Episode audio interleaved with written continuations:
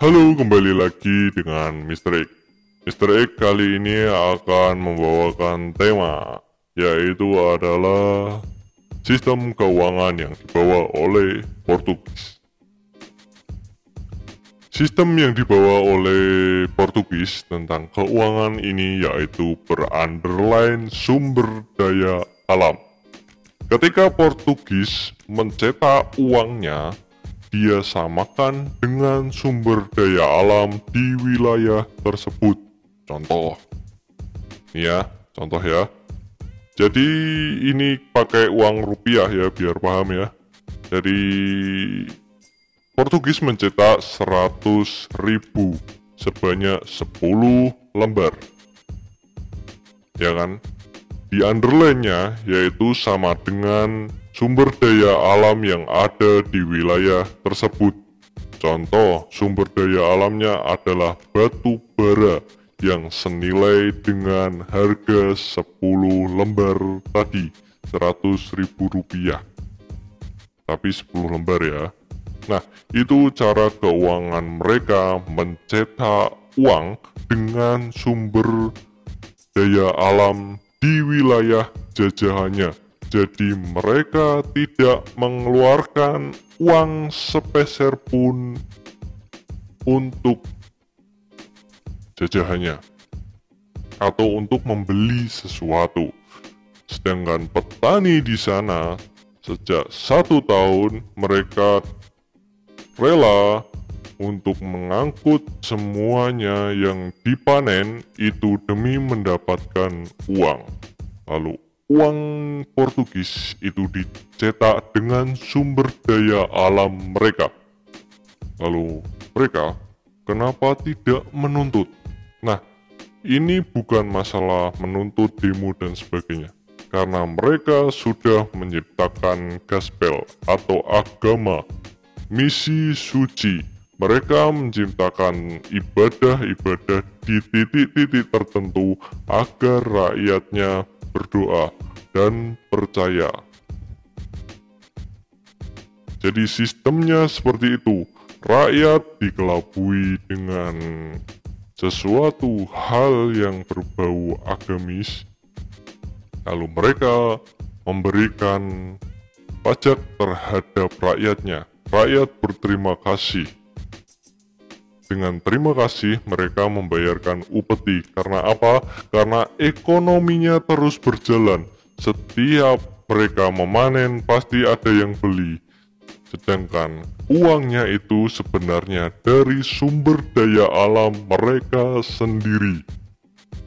Seperti itu keuangan dari Portugis.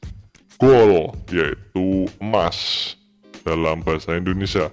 Tapi sistem keuangan ini selalu dibawa Portugis untuk tanah jajahannya dan mengakar sampai sekarang. Di dalam sistem Portugis, mereka mencetak uang dengan dicatat yaitu memiliki sebuah nomor seri. Agar apa? Agar mencegah suatu inflasi. Nah, bagaimana keuangan bisa inflasi?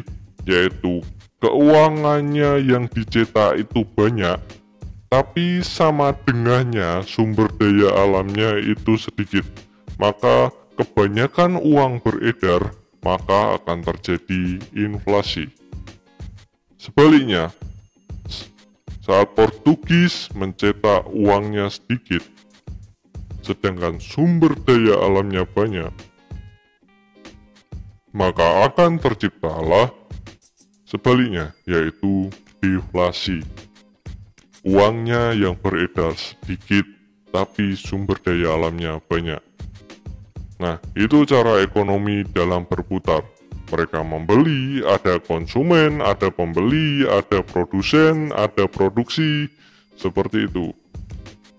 Jadi teman-teman bisa mengerti tentang hal ini, tentang keuangan dan itu sudah mengakar sampai sekarang. Glory yaitu wilayah.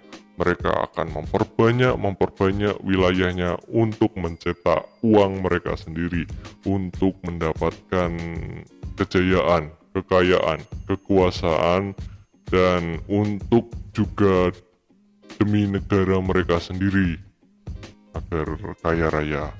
Ya itulah kekayaan jabatan dan sebagainya. Itu yang ingin mereka capai. Dan itu adalah tugas mereka menguasai daerah Nusantara dan Spanyol menguasai daerah sebaliknya. Itu adalah tugas dari Vatikan. Di balik Vatikan. Ya bisa dibilang ada pertemuan rahasia.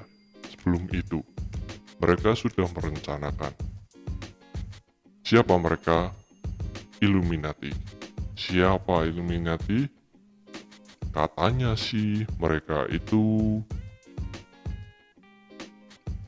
perkumpulan dari ilmuwan-ilmuwan. Tapi datanya mereka itu dari hmm, bisa dibilang sisa-sisa dari kesatria Templar. Oke? Jadi itu saja Mr. X yang bisa saya sampaikan seperti itu ya. Hmm. Mungkin lain waktu kita akan berbincang-bincang ya. Oke, selanjutnya Mr. X juga akan membahas ke 2-nya nanti ya, yaitu VOC. Bagaimana VOC itu berdiri, bagaimana VOC itu sukses, dan lain sebagainya. Oke, terima kasih atas waktunya. Bye-bye.